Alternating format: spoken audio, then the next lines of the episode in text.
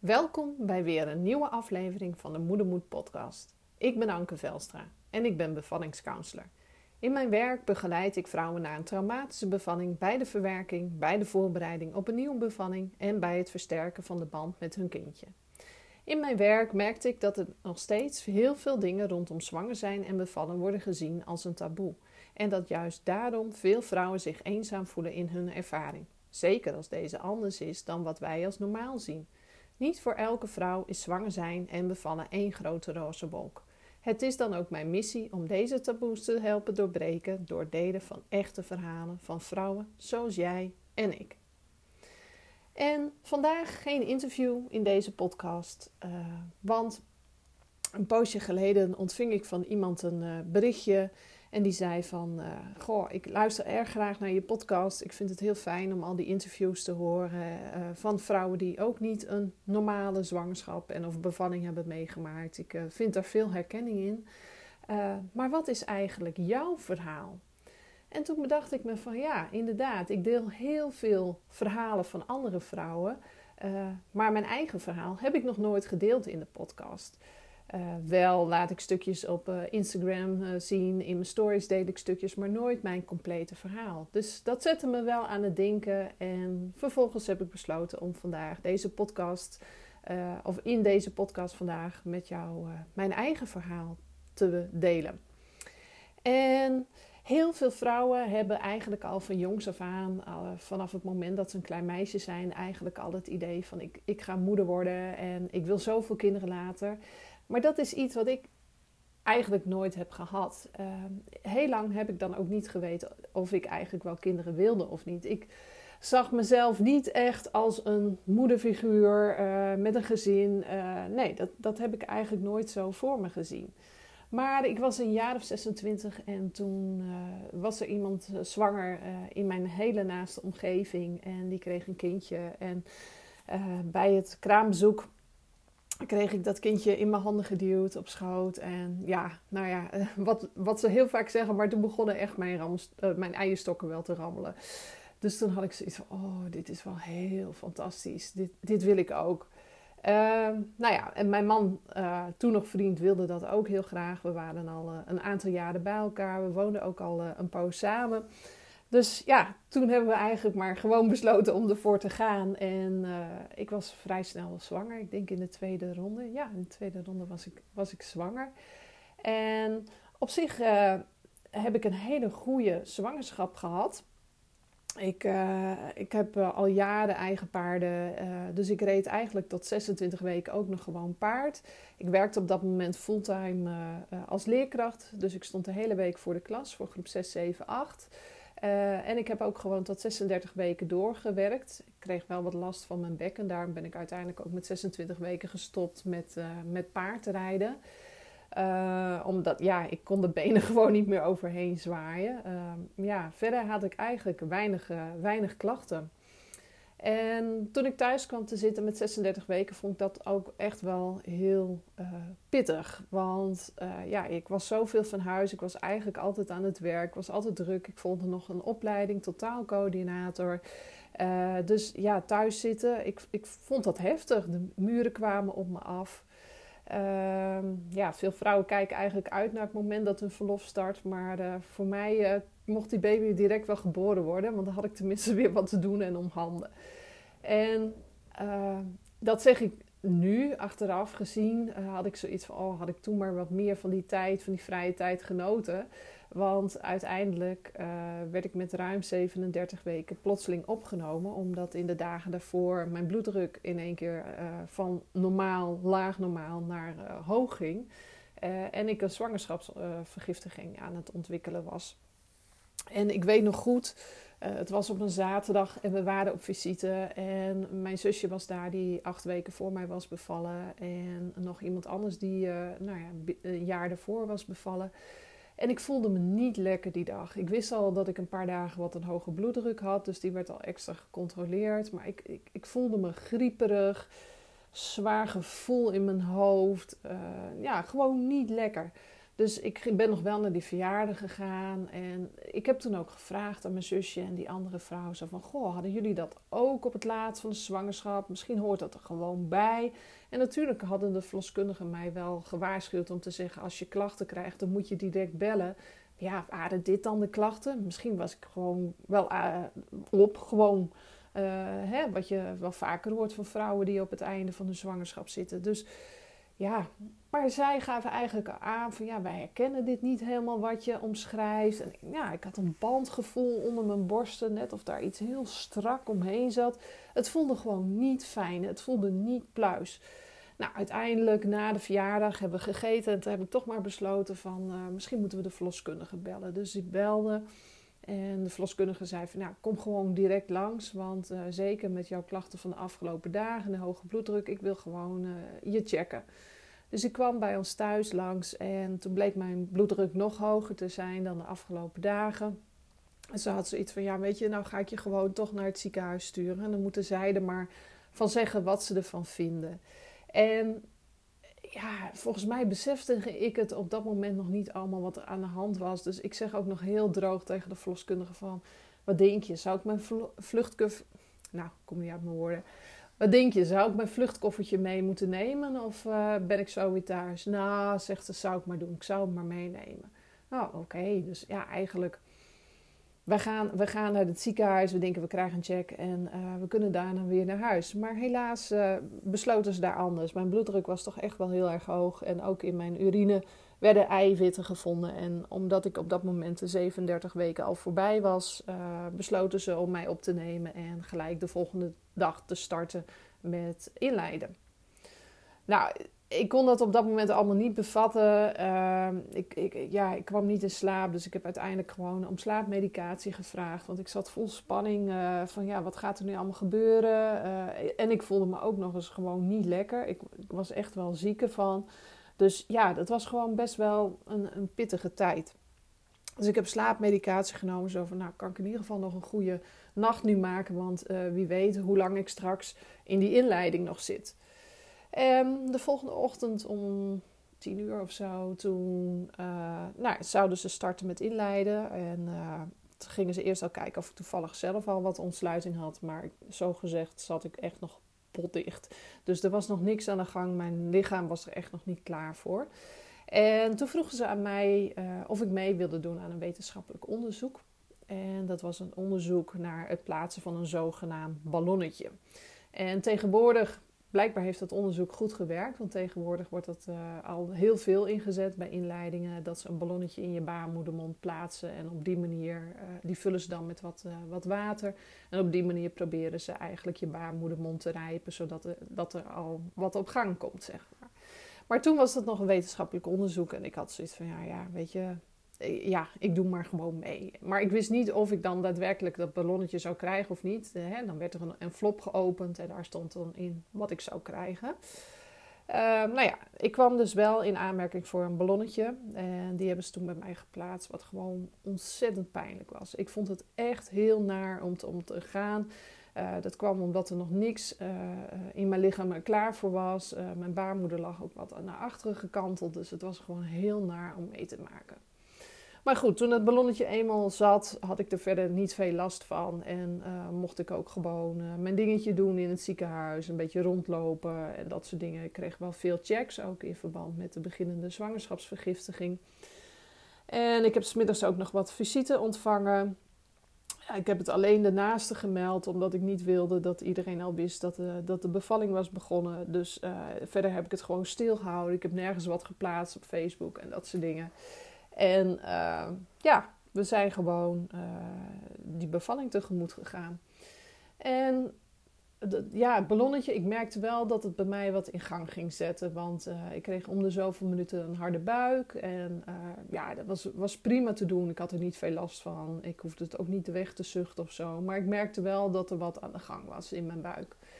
En de volgende dag, dat was de maandag, toen haalden ze het ballonnetje eruit. En uh, toen bleek ik al 4 centimeter ontsluiting te hebben. Dus ik dacht, nou, als ik dat op deze manier kan doen, uh, kom maar op, dan, uh, dan wil ik wel bevallen. Dus eigenlijk ging ik er heel relaxed in.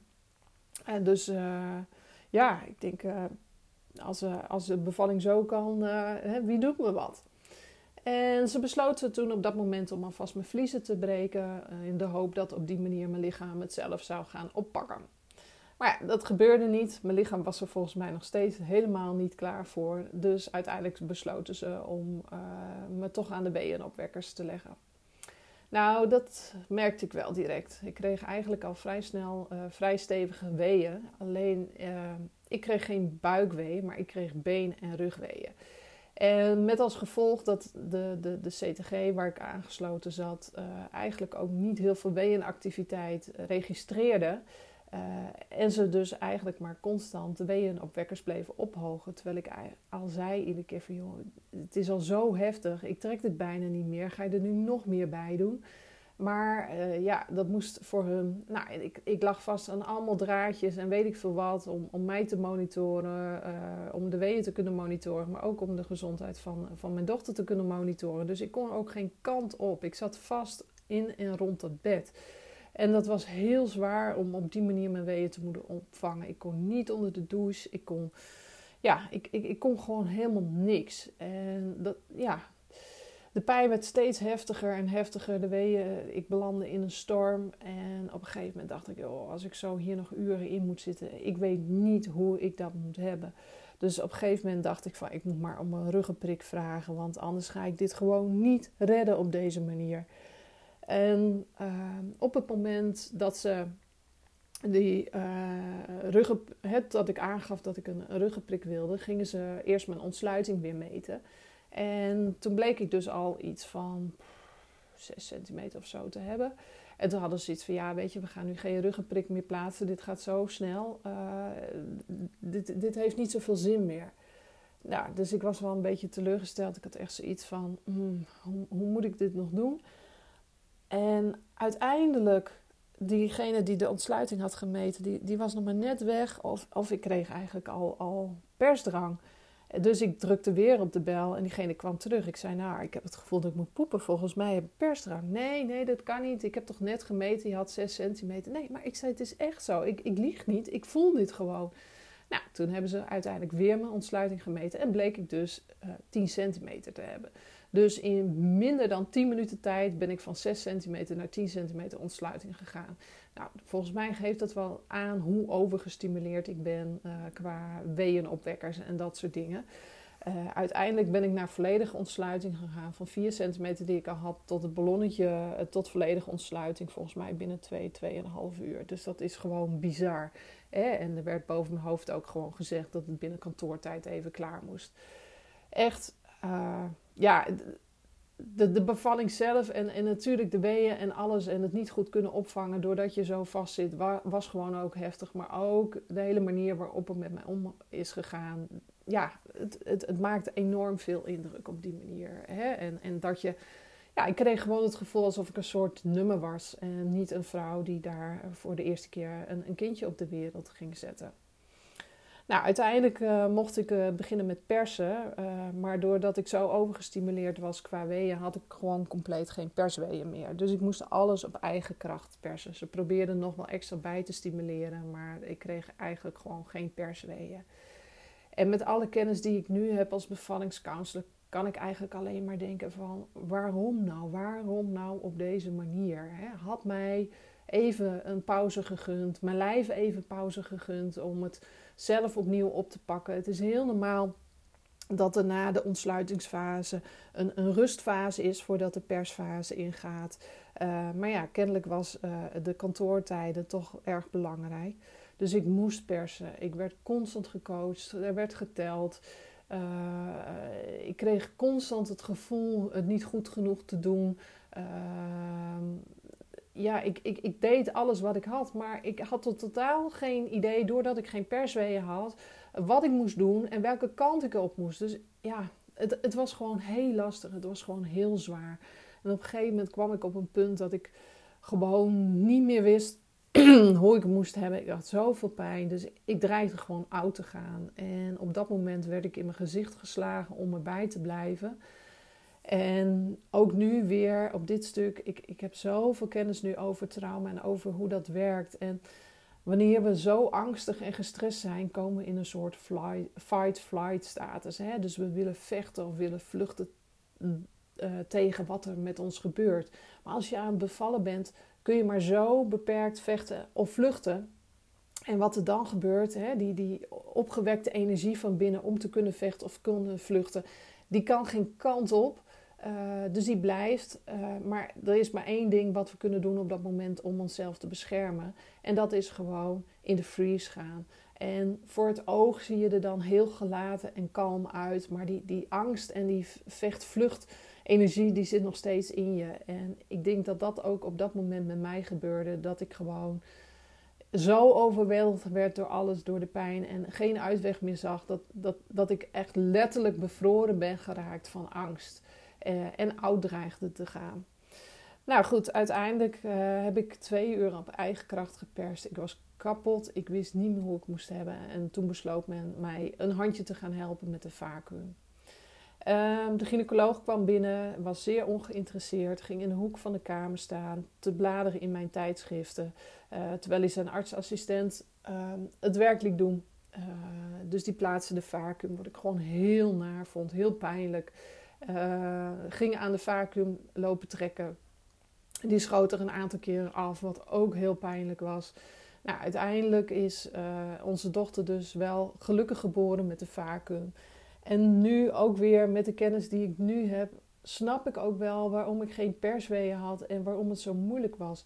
Want als je zag waar de afdruk van de vacuüm zat op het hoofdje van mijn dochter, die zat gewoon ergens helemaal scheef op haar hoofdje. Dus zij heeft ook nooit perfect recht voor het, voor, voor het geboortekanaal gelegen. Waardoor dus ook uh, ja, het hele fysiologische proces daardoor ook verstoord is geraakt. En dan denk ik van Oh, waarom hebben jullie het mij zo op deze manier laten doen? Want als ze mij in bepaalde houdingen hadden gezet, had, het kindje veel gunstiger ervoor kunnen gaan liggen. Uh, waardoor mijn lijf eigenlijk ja, zelf die bevalling ook uh, en alle processen, al die weeën, de persweeën, weer beter op had kunnen pakken. Maar ja, goed, dan weet je, achteraf is het natuurlijk altijd veel makkelijker uh, gezegd dan gedaan. Want ik heb natuurlijk nu ook de kennis en de inzichten over hoe de fysiologische processen gaan tijdens een bevalling. Uh, maar ja, ik, ik, ik vind het wel jammer dat het zo op die manier is gegaan. Um, nou ja, na de bevalling moest er natuurlijk het nodige nog gehecht worden. Uh, de placenta kwam gelukkig wel vrij snel. En uiteindelijk um, heb ik zo'n 500 milliliter bloed verloren. Wat nou, wel redelijk is. Dat is niet extreem veel of zo. Um, ik moest natuurlijk wel uh, nog blijven na de bevalling vanwege de zwangerschapsvergiftiging die ik uh, had. Uh, ook onze dochter was aan de grote kant. Ze is uiteindelijk geboren met 37 weken en 6 dagen en was toen al 52 centimeter en 3980 gram zo uit mijn hoofd. Het is al ruim 10 jaar geleden, dus ik heb het niet helemaal helder meer. Um, dus wij moesten beide toch wel blijven. Haar suikers moesten gecontroleerd worden. En uh, ze wilde mij ook nog in de gaten houden. En als ik mijn foto's terugkijk uh, van die eerste uren na de bevalling, uh, hè, toen ik weer op de kamer lag en mijn dochter naast me lag, ik kreeg eten, want ik had heel erg honger. Als ik dan kijk naar die blik in mijn ogen, dan zie ik gewoon een vrouw die eigenlijk zo getraumatiseerd is geraakt op dat moment in het, in het hele bevalproces. Een, een soort lege koude blik in de ogen. Geen aandacht voor mijn kindje, maar vooral willen eten. Ja, het is gewoon bizar. En die eerste moederliefde, die eerste moedergevoelens waar je altijd over hoort, die voelde ik op dat moment ook niet. Misschien was ik zelfs ook wel een beetje boos op mijn dochter. Want ja, als ik niet van haar had hoeven bevallen, uh, dan had ik ook niet zoveel pijn hoeven hebben. Nou ja, uiteindelijk mochten wij, dit was de maandags, mochten we de woensdagsochtend naar huis. Uh, ja, ik, ik, ik, was, ik kreeg een hele fijne kraamhulp die de hele week ook bij ons blijft. Maar ik was gewoon niet fit. Ik had nog steeds erg veel pijn, vooral ook aan mijn stuitje. Uh, maar ook iedere keer qua temperatuur. Net niet koorts, weet je wel, uh, maar ook niet laag. Net op het randje verhoging, net wel, net niet. Ik had weinig energie, eh, ik, kon weinig. En ja, de verloskundige, die, of, uh, de verloskundige en de kraamverzorgster hadden ook al zoiets van... nou, we moeten de kraamzorg maar wat verlengen... want dit, dit gaat nog niet helemaal lekker allemaal. Borstvoeding kwam gelukkig wel heel goed op gang... en dat vond ik ook heel fijn om te doen. Het was wel heel pijnlijk, uh, maar het kwam wel goed op gang. Ik had heel, heel snel heel veel melk. En Ehm, de laatste dag van de kraamzorg namen we afscheid en nog steeds voelde ik me nog niet helemaal lekker. Uh, dus ik had mijn man ook al weggestuurd naar de huisarts met, uh, met een plasje. Zo van, nou, misschien, misschien heb ik een, uh, een blaasontsteking, wie zal het mij zeggen? dus die wilde ik laten nakijken en dat, dat heeft hij weggebracht. En in de nacht daarna, na het afscheid van de kraamzorg, werd ik heel erg ziek echt, ik kreeg mega hoge koorts. Tegen de 40 graden, richting de 41 op een gegeven moment al. Mijn borsten gingen heel erg pijn doen. Uh, het, het, voelde allemaal niet goed. Ik kon bijna niet meer plassen. Dus uh, nou, een hele nacht wat omgepankoekt. En uh, de volgende dag wilde ik eigenlijk dat mijn man heel erg graag thuis bleef. Want ik zag het gewoon niet zitten met een, een pasgeboren baby thuis. Nog geen twee weken oud. Ik zo ziek. Maar ja, zijn werkgever was weinig medewerkend hierin. dus die verwachtte hem op, werk, op het werk. En hij moest mij dus doodziek met een pasgeboren baby alleen achterlaten. Dat vond ik heel, heel erg heftig. Ik lag in bed. Uh, onze dochter lag naast me op het aankleedkussen, zodat ik haar in ieder geval kon pakken. Maar ik, ik kon niet uit bed, want dan zou ik flauw vallen. Zo ziek was ik. En, uh, dus ik kon ook geen eten en drinken voor mezelf pakken. Niet voor mezelf zorgen. Uh, nou ja, uiteindelijk uh, is er familie langsgekomen om, om wat eten en te drinken tussendoor voor mij te regelen. Want ja, die moesten ook allemaal aan het werk. Maar gelukkig konden zij tussendoor wel even langskomen. Mijn dochter verschonen voor me, want die lag ook al veel te lang in haar vieze luier. En uiteindelijk, smiddags is mijn man zo snel mogelijk thuisgekomen toen het kon. En ja, wat hij aantrof was gewoon chaos. Een vrouw die hartstikke ziek was. Uh, een baby die, die, die, nou ja, wel gelukkig voeding heeft gehad, maar een vies, nog steeds in de vieze luier uh, lag. Uh, ik had bijna niet gegeten, gedronken, omdat ik ja, gewoon niet voor mezelf kon zorgen. Dus hij heeft toen gelijk zijn werkgever gebeld. Uh, van joh, weet je, uh, ik geef me anders maar zorgverlof. Het maakt niet uit, maar ik, ik moet nu gewoon thuis blijven. Uh, nou ja, goed, zijn werkgever wilde nog steeds niet meewerken. En die zegt, nou ja, ik kan geen vervanger voor je krijgen. Hij moest voor de klas weer. Dus ja, je moet morgen toch weer komen. Nou, toen brak gewoon zijn hart. Hij had zoiets van, hoe, hoe dan? Nou, s'avonds kwam mijn moeder ook. En ja, moest ik toch onder de douche. Dus mijn man en mijn moeder gingen me helpen om onder de douche te zetten. En uh, ja, ik, ik kon gewoon niet op mijn benen staan. Dus ik viel flauw. Uh, ze konden me nog net op de wc duwen, zodat ik niet op de grond zou knallen. Uh, dus ja, ik kon nog steeds niet plassen. Dus de huisarts me bellen, die is langsgekomen om te kijken van ja, hè, moet ik katheteriseren of wat dan ook. Ik, ja, ik kreeg antibiotica, want ik bleek onder andere toch wel ook een blaasontsteking te hebben. Eh, maar ik, en eh, ook voor de, ik bleek ook nog een borstontsteking, dubbele borstontsteking te hebben. Dus ja, ik was echt wel heel ziek. Uh, en de antibiotica begon daar wel voor te helpen. Uh, de, de koorts ging wel wat naar beneden. Maar ik was nog steeds niet oké. Ik kon nog steeds heel moeilijk plassen. Ik kreeg heel erg veel buikpijn. Uh, ik, ik, begon weer meer bloed te verliezen, grote stolsels. Het stonk ook heel erg. Ja, nu ik dit vertel, denk ik: oh man, het klinkt niet zo lekker. Maar ik, ja, ik wil gewoon wel eerlijk en open met je delen. En na een aantal dagen zo nog doorgaan, ben ik naar de huisarts gegaan. En ik heb gezegd: joh, weet je, het gaat gewoon echt niet goed met mij. Ik, ik, ik kan bijna niet meer lopen. Elke stap die ik zet, dan verga ik van de pijn in mijn buik. Ik kan nog steeds bijna niet plassen en ik noemde het allemaal op. En uh, nog steeds verhoging, ondanks de antibiotica. En hij had zo iets van: Dit vertrouw ik niet. Ik, ik ga je doorsturen naar het ziekenhuis. Nou, ik kwam aan in het ziekenhuis en dan moest ik wachten. Uiteindelijk kreeg ik een, uh, een echo. En toen bleek dat er dus nog een enorme placentarest in mijn baarmoeder zat. Nou ja, die placentarest die. Moest eruit, uh, want ik had ook al een beginnende baarmoederontsteking. En uh, dat zou dus ook verklaren waarom ik nog steeds koorts had uh, en me niet goed voelde. Dus ik werd direct opgenomen en ingepland voor het operatieschema voor de volgende dag. Nou ja, ik wilde natuurlijk heel graag mijn kindje borstvoeding blijven geven. Dus in die nacht heb ik de hele nacht lopen kolven. Om maar genoeg voeding te hebben om de operatieperiode en, en de eerste uren daarna te kunnen overbluffen. Nou, gelukkig had ik wat overproductie. Dus ik had haar in de nacht heel veel gekolfd. Zodat uh, ja, mijn dochter uh, gewoon wel borstvoeding kon blijven krijgen. Nou, de volgende ochtend werd ik uh, geopereerd. Uh, mijn man sliep die nacht thuis. Uh, en ze kwamen melden dat ik uh, binnen over een half uurtje, 20 minuten zou worden opgehaald voor de OK. Dus ik heb direct mijn man gebeld. Ik zei, je moet nu komen, want ze gaan me zo naar de OK brengen. Dus mijn man die is echt direct gekomen. En hij woonde toen echt vlakbij het ziekenhuis. Dus hij, hij zou er binnen 10 minuten kunnen zijn.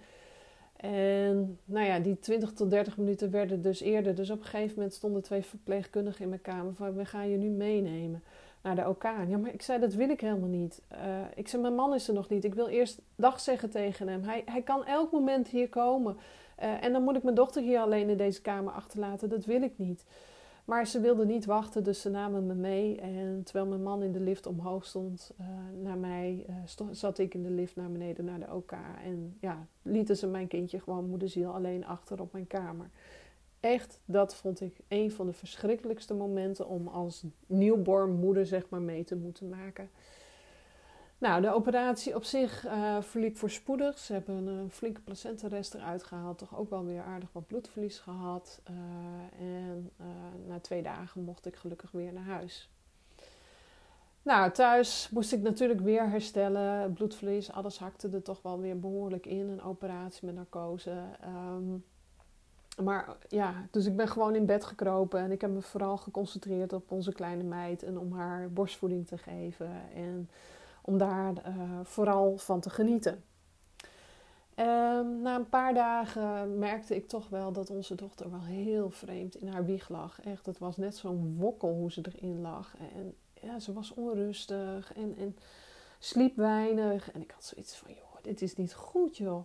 Dus uh, dan ga je daar een beetje op zoeken, een beetje op googelen. En nou, toen vond ik toch wel wat dingen over het KISS-syndroom, wat je kunt oplopen na bijvoorbeeld een vacuümbevalling. ik had zoiets van, volgens mij moet er naar gekeken worden. Het zit niet lekker bij haar. Dus toen hadden we een afspraak gemaakt bij een manueel therapeut die kinderen hiermee behandelde. En gelukkig zat hij vlak bij ons huis, dus ik kon mee. Ik stapte in de auto samen met onze dochter en man. En toen we daar aankwamen, zou ik de auto uitstappen en ik voelde het in één keer warm worden langs mijn benen. Ik denk, oh nee, ik heb toch niet ook nog eens een ongelukje, niet dat ook nog. En ik ga weer zitten in de auto en ik zeg tegen man, weet je, ga jij maar met haar, uh, ik blijf wel hier. En ergens voelde ik toch ook wel dat ik zoiets had van, ja, maar ongelukje, uh, nee toch. Dus ik ga, ik ga weer staan en dat ik voel het weer warm worden. En ik haal mijn hand langs mijn broek. En ik, zie mijn, ik kijk naar mijn hand. En ik zie gewoon dat mijn hele hand rood is. Uh, dus ik, was niet, ik had niet een ongelukje in de zin dat ik, dat ik urine verloor. Maar ik, ik was aan het bloeden. En niet te weinig ook. En ik voelde het gewoon met scheutjes uit me komen. En het was een hele beangstigende ervaring. Dus ik ging weer zitten in, in, in, in de auto. Ik begon helemaal te trillen. Ik zei tegen mijn man, dit is niet goed in hetzelfde gebouw waar de manueel therapeut zat, zat ook mijn huisarts. Dus ik zei: Je moet nu naar binnen gaan, je moet nu die huisarts halen. Dit gaat niet goed. En ondertussen probeerde ik zo stil mogelijk in die autostoel te blijven zitten. Want elke beweging voelde ik dat er weer een hele guts aan, aan bloed uit me kwam. Hij ging naar binnen en de huisarts was er niet. Dus hij kwam terug met de, met de assistenten, met de huisarts aan de telefoon. En uh, ze gingen mijn bloeddruk meten. En uh, overleggen wat ze moesten doen. En ja, de, de, de assistente zei tegen mij van... Je moet, jij moet gewoon nu naar het ziekenhuis. Maar ze zegt als ik nu een ambulance ga bellen... die is langer onderweg als dat je er zelf naartoe rijdt. Dus uh, zij vroeg aan mij van... Uh, hè, of ze zei, jullie kunnen beter zelf gaan rijden. Dan bel ik nu het ziekenhuis dat jullie eraan komen. Dan kun je je melden bij de hoofdingang. Dan staat er iemand op je te wachten. Dus we zijn direct met de auto naar het ziekenhuis gereden. Dat was ongeveer vijf, zes minuutjes uh, daar vandaan. En uh, bij de hoofdingang, ja, er stond inderdaad al iemand op mij te wachten. Met een rolstoel stond hij klaar. En uh, ja, toen moest ik weer uit die auto. En ik was zo, zo bang om te bewegen. Want elke beweging ja, ging er weer een hele scheut met bloed uit me. En, en, en bij de hoofdingang, het was hartstikke druk met allemaal mensen. En dan zou ik met mijn bebloede lijf daar moeten uitstappen. Ik schaamde me zo ontzettend. Nou, uiteindelijk met heel veel aanmoediging van mijn man en van, van de verpleegkundige die daar klaar stond, uh, toch in de rolstoel gaan zitten. Ik kon, ik kon wel door de grond zakken. We lieten een heel spoor met bloed. Overal was bloed. De auto zat onder het bloed. Op de grond, overal was bloed. Nou, het eerste wat ze deden was mij langs het uh, laboratorium brengen om mijn bloedwaardes te laten prikken, omdat ik toch echt wel heel veel bloed verloor. En daarna werd ik naar de afdeling gynaecologie gebracht, de polykliniek. Uh, ja, alle mensen die daar zaten te wachten op de afspraak.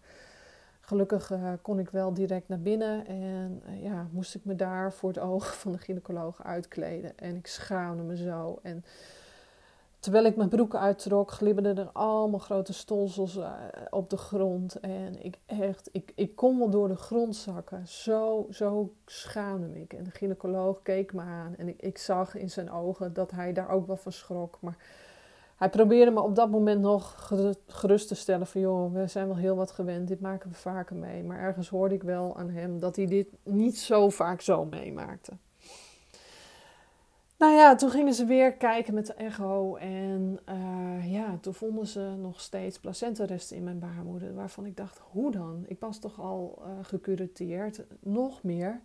Dus ik werd direct weer opgenomen en uh, gemonitord om te kijken of mijn bloeding zou stoppen. Want anders moest ik direct weer geopereerd worden. En als hij zou stoppen, nou ja, dan kon ik in ieder geval opgeschoven worden naar de dag daarna. Nou, gelukkig stopte de bloeding toen wel vrij snel. En kon ik, uh, werd ik opgenomen en uh, kon ik de volgende dag uh, opnieuw geopereerd en gecureteerd worden. Nou, dat is ook gebeurd. Weer hetzelfde verhaal, een hele nacht liggen kolven, zodat mijn dochter voldoende borstvoeding kon krijgen. en ja, dat ik hè, het zou redden tot de volgende dag. Nou ja, ik moest natuurlijk weer even blijven in het ziekenhuis. En ehm, mijn de dag dat ik naar huis uh, mocht, was het ook mijn verjaardag. Dus ik had ook zoiets van, nou, ik wil nu ook wel naar huis. Ik voel me verder wel oké. Uh, het is wel prima. Dus de dag daarna ben ik ook uh, naar huis gegaan. Ja, en het, ja, inmiddels waren we zo'n week of vier verder. En ik had amper nog kraamvisite gehad. Juist door al deze dingen. Dus ja, mijn hele kraamperiode viel in het water. Ik voelde me niet die trotse moeder die vol trots haar kindje kon showen aan, aan, aan vrienden, familie, bekenden, naasten. Uh, die alweer uh, trots achter de kinderwagen liep. Nee, dat moest ik allemaal uit handen geven. Eigenlijk alle eerste dingen, het eerste badje, eerste keer achter de kinderwagen. Ja, dat was allemaal niet aan mij besteed, maar aan mijn man of aan anderen. En uh, ja, dat, dat heeft me ook best wel geraakt. Um, maar ja, goed. Toen had ik zoiets van: ik ben nu twee keer geopereerd. Uh, en ja, ik wil nu toch ook laten zien dat ik die trotse moeder ben. Dus ik ging erop uit. Ik, ik ging naar de stad om daar koffie te drinken. Ik sprak af met mijn jongere zusje, die een paar weken daarvoor ook een kindje had gekregen. En uh, samen gingen we dan in de stad met onze dochters winkelen. Eigenlijk kon ik dat lang niet aan. Want ik was spierwit, ik was hartstikke bleek door al dat grote bloedverlies. Uh, ik was nog hartstikke moe. Maar ja op wilskracht kan een mens heel erg veel, dus ik deed dat ook. En mijn zusje ging trouwen, dus ik ging ook met haar mee om haar trouwjurk uit te zoeken een hele dag. En ja, weet je, eigenlijk kon ik dat helemaal niet aan, maar toch deed ik dat omdat ik het wilde. En na twee weken, s ochtends werd ik wakker en ik kwam mijn bed niet meer uit. Ik zei tegen mijn man: Dit is niet goed. Dit is weer mis. Ik voel het aan alles. Mijn buik doet weer zeer. Dit klopt echt niet.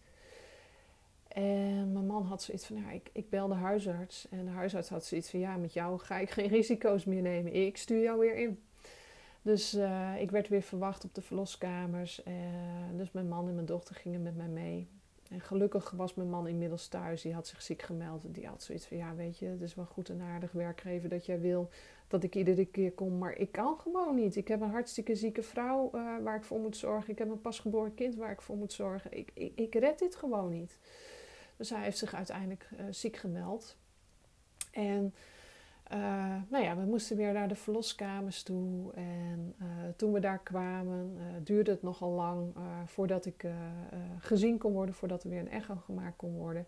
Dus ik kreeg al een kamer toegewezen en we kregen al wat te eten aangeboden. En ik had zoiets van, ja, een kamer. Ik ga zo meteen toch echt wel weer naar huis. Ik heb nu meer dan genoeg in het ziekenhuis gelegen. Jullie gaan maar even checken en daarna, dan geloof ik het wel weer, dan ga ik naar huis. Maar dat bleek helaas anders, want na een uurtje of twee wachten sorry. Toen uh, ja, werd er een echo gemaakt en je raadt het of niet, maar er werden wederom nog steeds placenta-resten in mijn baarmoeder aangetroffen. Dus ik werd weer opgenomen. Ik werd weer op het operatieschema voor de volgende dag geplaatst en ik werd nogmaals geopereerd.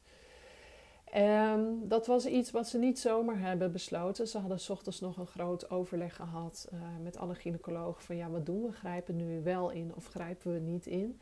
Dit hoorde ik trouwens pas achteraf, wat ik heel erg jammer vind. Uh, maar goed, daar kom ik zo nog wel op. Uh, want ehm, een vrouw die kort geleden bevallen is, haar baarmoeder en het baarmoeder, de baarmoederwand is extra kwetsbaar na een bevalling. Dus als je daar iedere keer in gaat opereren, uh, ja, dan kan dat wel gevolgen hebben voor de toekomst, uh, voor de gezondheid van je baarmoeder, voor je, voor je uh, ik kom even niet op het woord, op je vruchtbaarheid. Hè, er kunnen littekens ontstaan, er kunnen verklevingen ontstaan. Dus dat heeft best wel, kan dat invloed hebben. Dus daarom ook het grote overleg van wat doen we? Gaan we nog ingrijpen of niet? Nou, uiteindelijk hebben zij dus besloten, zonder mijn medeweten, zonder ook mij daarover te informeren en uh, te vragen van hoe ik daarin stond, of ik het nog zou zien zitten om nog even af te wachten of mijn lichaam dit zelf ging oplossen of in te grijpen, hebben ze dus besloten om in te grijpen. En uh, ben ik nogmaals geopereerd. En dit keer onder camerazicht, zodat ze echt ook zeker wisten dat alles er nu uit was. En terwijl ik lag bij te komen van de narcose, kwam de gynaecoloog uh, vertellen wat ze hadden gedaan en dat ze wederom nog placentaresten hadden gevonden. En uh, ja, dat, dat het mogelijk nu wel zou kunnen betekenen dat ik nooit meer kinderen zou kunnen krijgen. Uh, dat werd me dus achteraf verteld. En ja, op dat moment, omdat ik nog half stoned was van, van de narcose, raakte het me niet zo. Maar toen ik daar later over nadacht, ja, jeetje, uh, dat dat op zo'n manier doen. Waarom heb je me daar geen deelgenoot van gemaakt? Waarom heb je me niet verteld wat de risico's waren van nog een keer ingrijpen? Waarom heb je me niet verteld wat mijn opties waren? Weet je, daar, daar nu ook met de kennis die ik heb, daar heb je als zwangere daar, en, en ook bevallen vrouw, je hebt er recht op. Dat noemt, noemen ze informed consent. Dat je weet van, hé, hey, uh, wat zijn er nog meer opties? Uh, wat zijn de voor- en nadelen van nu ingrijpen? Uh, wat gebeurt er als we nog even afwachten? Nou ja, dat is dus allemaal niet gebeurd, uh, wat ik erg onzorgvuldig vond. En uiteindelijk ja, ben ik toen naar huis gegaan. En omdat ik wist dat er zoveel kans was op schade, had ik zoiets van ja, dan wil ik gewoon naar de specialist op dit gebied. Uh, voor een second opinion. Nou, dat is vier maanden na de geboorte van onze dochter gebeurd. Toen ben ik naar Hoofddorp geweest. Uh, bij een specialist, iemand die zich gespecialiseerd had in Asherman-syndroom. En dat is een van de dingen die vaak voorkomt na vele operaties in je baarmoeder. Asherman houdt in dat er verklevingen ontstaan. Dus dat de wanden van de baarmoeder eigenlijk aan elkaar vastgekleefd raken. En ehm, die besloot uiteindelijk nog een, uh, een, hysteroscopie te gaan doen. Dus dat betekent dat ze met een camera in je baarmoeder gaan kijken van... hé, hey, wat, wat zit er nu nog? Nou, hij, gelukkig trof hij geen verklevingen aan, maar ook hij nog vier maanden later, drie operaties later, trof nog steeds placentenweefsel aan in mijn baarmoeder. Wat hij heel voorzichtig er nog wat uitgeknipt heeft. Maar uh, daarna heeft hij ook echt gezegd van ik ga niet meer doen, want hoe meer ik nu ga doen, hoe meer schade ik aanricht. En dat vind ik gewoon zonde. Um, dus ja, maar wat hij me ook vertelde was dat de kans op herhaling uh, met dit gedoe met mijn placenta bij een tweede zwangerschap heel erg groot zou zijn. Nou, deze hele optelsom van alles wat er was gebeurd, uh, plus deze wetenschap, ja, hebben er wel in geresulteerd dat ik uh, een enorm bevallingstrauma heb opgelopen. Maar omdat in die tijd, en dan hebben we het over ruim tien jaar geleden, daar eigenlijk nog helemaal geen aandacht voor was, is er niemand geweest die ook maar enig moment het idee heeft gehad dat dat bij me speelde. Mijn, mijn naasten niet, mijn zorgverleners niet, niemand. Um, nou, dit was het nog niet eens, want uh, door de vacuümverlossing had ik ook een enorme knip gehad. En uh, ja, het, het, litteken van de knip, uh, daar had ik last van abscesvorming. Dus iedere keer ontstond daar een absces, wat na een paar dagen weer knapte, wat enorm pijnlijk was. en dan was het weer een aantal dagen weg en dan begon het opnieuw. Dus daar ben ik ook weer voor naar de huisarts gegaan. Die stuurde me weer door naar de gynaecoloog. Nou, eer ik daar terecht kon, was het absces uh, net geknapt. En uh, ja, ja, ik zie inderdaad wel dat er een absces heeft gezeten. Nou, weet je, kom maar weer terug als het er weer zit. Maar ik had al twee abscessen zelf af, afgewacht voordat ik naar de huisarts was gegaan. Want ik was zo klaar met al dat gedoe in dat gebied. Uh, ik wilde gewoon graag geholpen worden. Dit was niet een antwoord waar ik mee verder kon. Ehm, dus ik ging weer terug naar mijn huisarts met mijn verdriet en teleurstelling over hoe ik was behandeld. En ja, mijn huisarts vond het eigenlijk schandelijk. Dus die had een, een, een bevriende gynaecoloog in een ander ziekenhuis. Hij zei: Die ga ik voor je benaderen hiermee. En uh, die gaat je vast verder helpen. Dus ik ben naar een ander ziekenhuis gegaan, een andere gynaecoloog. En die hoorde mijn verhaal aan. En die zag inderdaad dat er sprake was van abscesvorming. En ze zegt, ja, weet je, het enige wat we kunnen doen is, is dat we je opnieuw opereren. Dat we de knip openleggen, schoonmaken en opnieuw hechten. Ja, dat was niet het antwoord wat ik wilde horen. Dat zou de vierde operatie sinds de bevalling betekenen. Maar goed, ja, ik wilde ook wel heel graag van die abscessen af. Dus uiteindelijk heb ik dat wel gedaan. Het was een ziekenhuis wat zeer uh, vrouw- en borstvoedingsvriendelijk was. Ehm, dus mijn dochter uh, die was toen bijna een jaar toen deze operatie uh, plaatsvond. maar ik gaf nog steeds borstvoeding. Want ja, ik had zoiets van: er is al zoveel wat ik niet kon en wat me afgenomen was. Maar borstvoeding geven, dat kon ik als geen ander. Dus er was niemand die daar aankwam. En ja, dat is echt een enorme drive en motivatie voor mij geweest om daar ondanks alles toch mee door te blijven gaan. Maar goed, uh, de OK, dat duurde allemaal wat langer. En eigenlijk moest ik toch nog even kolven voordat ik de OK kon. Uh, ja, daar waar ik in Leeuwarden toen in één keer zo meegenomen werd van ja, maar je moet nu. Uh, ja, toen met daar in dat andere ziekenhuis, toen ik aangaf van ik moest nog even kolven, zeiden ze, oh dat is toch geen probleem, dan wachten ze toch even op de operatiekamer. We gaan even naar de kraamafdeling voor je, haal een kolf op, kun jij nog even kolven, ga je daarna naar de OK. Oh, wat vonden dat ontzettend goed en fijn en meedenkend. Dus ik heb nog gekolfd en daarna ging ik naar de OK. En hebben ze de knip opnieuw opengelegd, schoongemaakt en opnieuw gehecht. Nou, weet je, sowieso is dat natuurlijk ontzettend pijnlijk. Ik bedoel, iedere vrouw die een knip heeft gehad, die weet hoe dat voelt. Ehm, maar na een bevalling heb je nog dat pasgeboren kindje waar je op kan richten, wat ik nu gewoon niet had. Dus het was echt gewoon mega pijnlijk. Ik mocht in principe naar huis, maar ik had nog zoveel pijn dat ze uiteindelijk hebben besloten om mij een nachtje te houden. Om mij goede pijnstilling te kunnen geven. En de dag daarna ben ik alsnog naar huis gegaan met goede pijnstilling. Nou, dit opgeteld denk ik dat mijn herstel zo'n anderhalf jaar heeft genomen voordat ik echt weer helemaal volledig fysiek um, hersteld was. Ik dacht ook dat ik mentaal hersteld was, maar ik ben vooral heel erg gevlucht uh, in het werken, in veel afleiding hebben. Want dan hoefde ik niet te voelen hoe ik mij erger, eigenlijk van binnen, diep van binnen voelde over hoe de bevalling was gegaan. Dus uh, ik, ik ging zelf solliciteren. Ik vond een andere baan als uh, directeur van een basisschool. Ik was toen 29 toen ik daarmee begon. ik werkte dag en nacht. Ik werkte vier dagen in de week als directeur. Ik stond nog voor de klas één dag in de week. Uh, en ja, thuis was ik ook nog dag en nacht met mijn werk uh, bezig. En ja, nu, nu met de kennis die ik nu heb, uh, weet ik gewoon dat dat een vlucht was voor wat er eigenlijk diep in mij nog steeds zat over die bevalling. Uiteindelijk heb ik dit 4,5 jaar weten vol te houden. En toen kwam ik met een burn-out thuis te zitten. Ik was gewoon volledig opgebrand, afgeknapt. en als ik nu terugkijk, ja, weet je, ik, ik heb voortdurend onder een hoogspanning geleefd. Uh,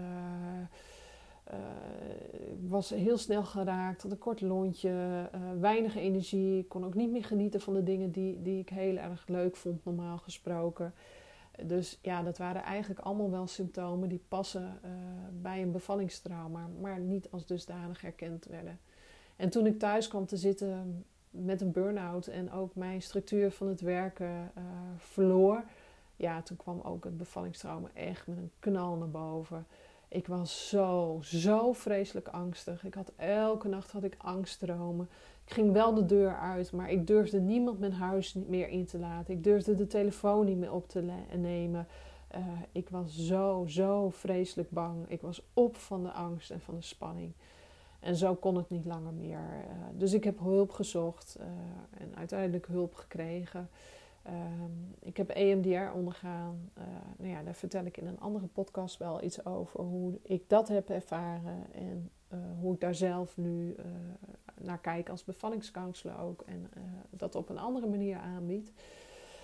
En ja, het was gewoon een periode van kei en keihard werken aan mezelf om daar weer bovenop te komen ik ben hem aangegaan, want ik dacht, ja, weet je, ik kan dit nu nog wel langer onderdrukken, uh, ervoor weg willen lopen. Maar vroeg of laat komt dit als een boemerang weer bij me terug. Dus ik moet hier gewoon nu wat mee doen. Dus ik heb besloten om, uh, ja, hulp te zoeken en alles aan te gaan. Alles wat er zat te gaan verwerken. Nou, dat heeft dus al met al een jaar geduurd. En toen was ik weer volledig hersteld van mijn burn-out. Uh, en ook van mijn bevallingstrauma.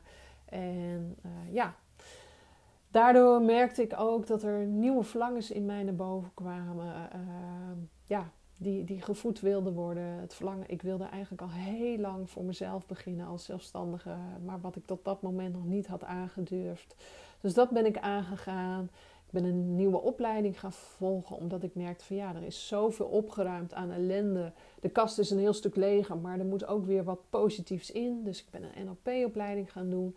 Ja, en ik ging gewoon dingen doen waarvan ik zelf nooit had durven dromen dat ik dat had kunnen doen en durven doen. En het ja, was echt fantastisch. Het kwam in zo'n zo positieve vibe terecht. Het was echt super. En mijn bedrijf, uh, Stressvrij voor de Klas, in onderwijsadvisering, wat ik startte, ja, dat begon ook gewoon direct als een, een, een, een, gek te lopen. Ik had al heel snel klanten die ik ging helpen. Ik, ik reisde in mijn auto het hele land door om trainingen te geven. Dus uh, ja, ik, ik kon echt merken dat het me wat had gebracht door uh, ja, die bevalling te gaan verwerken, om het aan te gaan en om het niet langer meer weg te drukken. En dat is ook iets wat ik je als bevallingscounselor heel graag nu wil meegeven. Als jij dat ook bij jezelf herkent en voelt van ja, ik ben dit gewoon aan het wegdrukken, stop er alsjeblieft mee, want het gaat van kwaad tot erger. Uh, als je langdurig je bevallingstrauma wegdrukt, heb je gewoon een grote kans op een burn-out of op een depressie of op klachten die passen binnen OCD. Dus doe er wat mee voordat de ellende nog veel groter wordt dan dat die wat uiteindelijk is. Want een bevallingstrauma is iets wat uh, omheind is, zeg maar. Het is een specifieke situatie, uh, waardoor het, het verwerken ook gewoon vrij snel kan. Ik kan je bijvoorbeeld, als ik je begeleid erin, in drie sessies binnen een maand tijd ervan afhelpen. En dat is helemaal niet een lang en zwaar traject. Mits je het maar niet uit de hand laat lopen. Want dan dan heb je veel meer rotzooi om op te ruimen. Want dan heb je er misschien ook nog eens een burn-out of een depressie bij.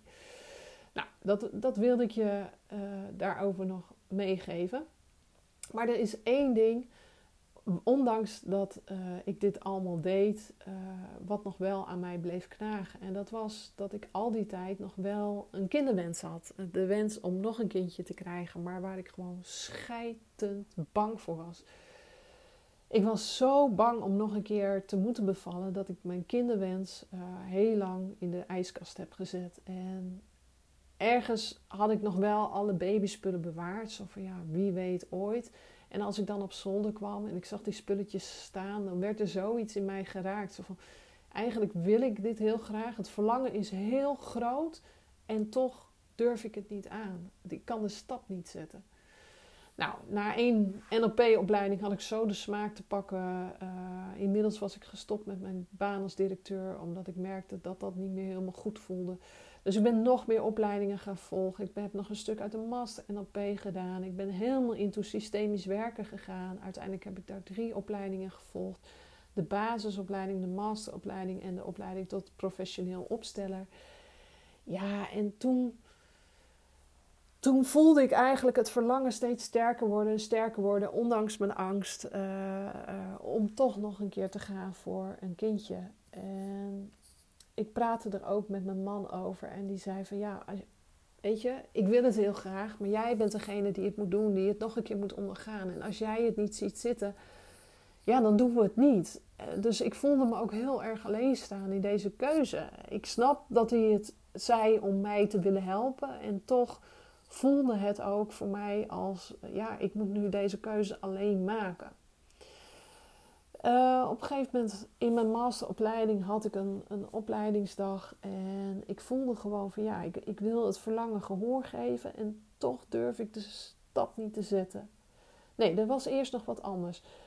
Op een gegeven moment hadden we zoiets van, uh, laten we gewoon eerst maar zonder zwanger te zijn een gesprek nog een keer aangaan met mijn verloskundige. Dus we hebben een afspraak gemaakt met de verloskundige voor een zogenaamd preconceptioneel gesprek.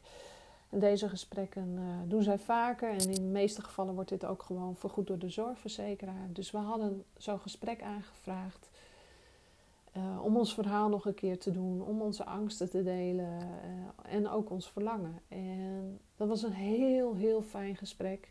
En de verloskundige gaf ook eerlijk aan van, joh, weet je, dit, dit is hogere verloskunde. Dit, dit gaat mij voorbij. Ehm, ik, ik wil je hier doorverwijzen naar een gynaecoloog. Er zijn een aantal gynaecologen nu in jouw ziekenhuis die ik hier heel geschikt voor vind. Dus daar zal ik je naar doorverwijzen. Dus dat heeft ze gedaan. Uiteindelijk heeft het nog wel een aantal maanden geduurd voordat we dat gesprek aan zijn gegaan. Uh, voordat we daar klaar voor waren. En ja, soms moeten de dingen zo de juiste personen op het juiste moment op de juiste plek treffen. En ik trof een hele fijne gynaecoloog die ja, mij alle tijd nam om mijn verhaal aan te horen. En samen met mij een plan ging maken en met mijn man natuurlijk. Uh, om het toch weer nog een keer aan te durven. Dus eerst heeft ze een heleboel dingen uitgezocht van hé, hey, wat is er toen allemaal gebeurd? Uh, dingen opgevraagd, ook uh, bij de, de specialist waar ik een second heb gehad. Hè. Die had gezegd van je hebt kans op grote herhaling. Dus een heleboel heeft zij eh, qua voorwerk gedaan. Uh, toen we terugkwamen voor de tweede afspraak, en toen waren we nog steeds niet zwanger. Om dat door te nemen en om een soort plan te maken dat mij vertrouwen zou geven om het nog een keer aan te durven. Nou, ook die tweede afspraak hebben gehad. We hebben een plan gemaakt. Hè? Wat als ik weer een hoge bloeddruk krijg? Wat als ik weer uh, te maken krijg met uh, preeclampsie, de zwangerschapsvergiftiging? Uh, omdat mijn dochter vrij groot was, zouden ook mijn suikers meer in de gaten gehouden worden. maar ook het hele mentale stukje zou goed gemonitord worden. Als ik daarin wat nodig zou hebben, dan zou dat ook geregeld worden. Dus dat, dat gaf me heel veel vertrouwen weer om het nogmaals aan te durven. En toch durfde ik ondanks alles de stap niet te zetten. Dus mijn, heel mijn hoofd, mijn hart zei ja, maar de stap zetten, dat kon ik niet. En op een gegeven moment had ik een uh, opleidingsdag van mijn masteropleiding Systemisch Werken. En we gingen opstellingen doen. En de docent vroeg van, goh, wie, wie heeft er een vraagstuk op dit moment? En ik stak mijn hand op. Ik zei, ik heb een vraagstuk. Dus ik mocht naar voren komen en mijn vraagstuk was van ja, weet je, heel mijn hoofd, mijn hart zegt ja en toch kan ik de stap niet zetten om te gaan voor die tweede zwangerschap. En, en, en alles voelde al dat, dat alles er klaar voor was. Ik voelde zelfs al, en misschien is het heel zwevig wat ik je nu vertel, maar ik voelde zelfs de aanwezigheid van mijn kindje al om me heen. En toch kon ik het niet. Nou, dat was een mooie vraag om te gaan opstellen, dus die hebben we opgesteld. Uh, dus ik heb representanten gekozen voor dingen die in mijn vraagstuk heel erg belangrijk waren. En al heel snel liet de opstelling zien wat ik nog nodig had om de stap te kunnen zetten. En dat was nog een stukje extra vertrouwen. Want wat bleek, een, een deel van de gynaecologen eh, die me de vorige keer heel naar hadden behandeld uh, tijdens mijn bevalling en de periode daarna Uh, denk bijvoorbeeld aan die gynaecoloog die tegen mij had gezegd tussen neus en liepen door uh, toen ik lag bij te komen van de narcose dat ik mogelijk geen kinderen meer zou kunnen krijgen. Die waren nog steeds werkzaam in het ziekenhuis. En onder geen enkel beding wilde ik deze personen nog aan mijn bed krijgen uh, of als, als behandelend gynaecoloog krijgen. En dus dat was best wel een, een, een ding. En dat stuk vertrouwen had ik ook nodig nog van mijn nieuwe gynaecoloog. Van weet je, wat er ook gebeurt, deze personen komen gewoon niet meer aan mijn bed. En toen ik dat wist, toen kon ik ook gelijk overgaan tot actie. Uh, ik maakte nogmaals een afspraak bij mijn gynaecoloog om haar dit te vertellen, dat dit er nog zat. Uh, en dat ik dat ook nodig had, nog als een stukje vertrouwen om het nogmaals aan te durven. En ze reageerde zo mooi op, op toen ik dit zei. Maar ze zegt, dan, dan sluiten we die personen toch uit. Dat is toch helemaal geen probleem. Kijk, zolang ik maar niet de enige ben die, die op jou staat. Hè, want ik bedoel, mij kan ook wat overkomen, zei ze. Hè, uh, uh, dan, dan is dat verder prima. Zeg maar, om wie gaat het? Nou ja, toen moest ik wel een lijstje van vier, vijf personen opnoemen. Maar gelukkig bleven er nog genoeg andere gynaecologen over, waardoor dat helemaal geen probleem was. En werden deze personen uitgesloten. En dat gaf me zoveel vertrouwen op dat moment dat ik het aandurfde, dat ik de stap durfde te zeggen. En ja, ik durf het bijna niet te zeggen, maar twee weken later was ik zwanger. En drie weken later stond ik bij haar in de kamer. En uh, we zaten in de wachtkamer en ze kwam ons heel serieus ophalen uit de wachtkamer. En uh, we waren nog niet in de, in de kamer van de gynaecoloog. De deur ging dicht en ze zegt... Hoe in hemelsnaam heb je dit nu gedaan? Dat je nu drie weken... Je was hier drie weken geleden en je bent nu al zwanger. Ja, ik zei... Ik weet het niet, maar volgens mij stonden alle seinen nu op, op groen om, om dit kindje nu ook echt te kunnen ontvangen. Dus ja, we zijn zwanger en we zijn heel erg blij. Uh, ook wel een beetje spannend, maar vooral heel erg blij en dankbaar dat dit ons zo snel is gelukt. Nou, ik merk dat ik uh, nu al bijna een uur aan het vertellen ben. En ik wil uh, je nog heel graag ook vertellen hoe deze tweede zwangerschap is gegaan. En vooral ook bevalling. Uh, want daar is ook echt enorm veel gebeurd. heel veel dingen meegemaakt. enorm verhaal, maar dat is gewoon te lang voor nu. Dus dat ga ik met je delen in een volgende podcast. deel 2 komt er dan ja, voor nu wil ik je in ieder geval wel bedanken als je dit helemaal tot het einde hebt geluisterd. Uh, voor het luisteren naar deel 1. Uh, eh, vond je dit een fijne podcast om naar te luisteren? Vond je mijn verhaal fijn? Uh, maak dan voor mij geen goed bewaard geheim, maar deel het met iemand. deel het bijvoorbeeld op social media of in je stories of met iemand die dit mogelijk ook interessant vindt. daarmee maak je mijn zichtbaarheid een stuk groter en daarmee ook het, uh, het enthousiasme om nog veel meer podcasts te maken. Dus uh, daarmee zou je me heel erg kunnen helpen. Alvast bedankt dat je dat wilt doen. En ik zou heel graag weer terug willen zien in de volgende podcast. Waarin ik deel 2 van mijn, nou toch wel heftige, bijzondere verhaal ga delen met je. Nou, heel graag tot een volgende keer.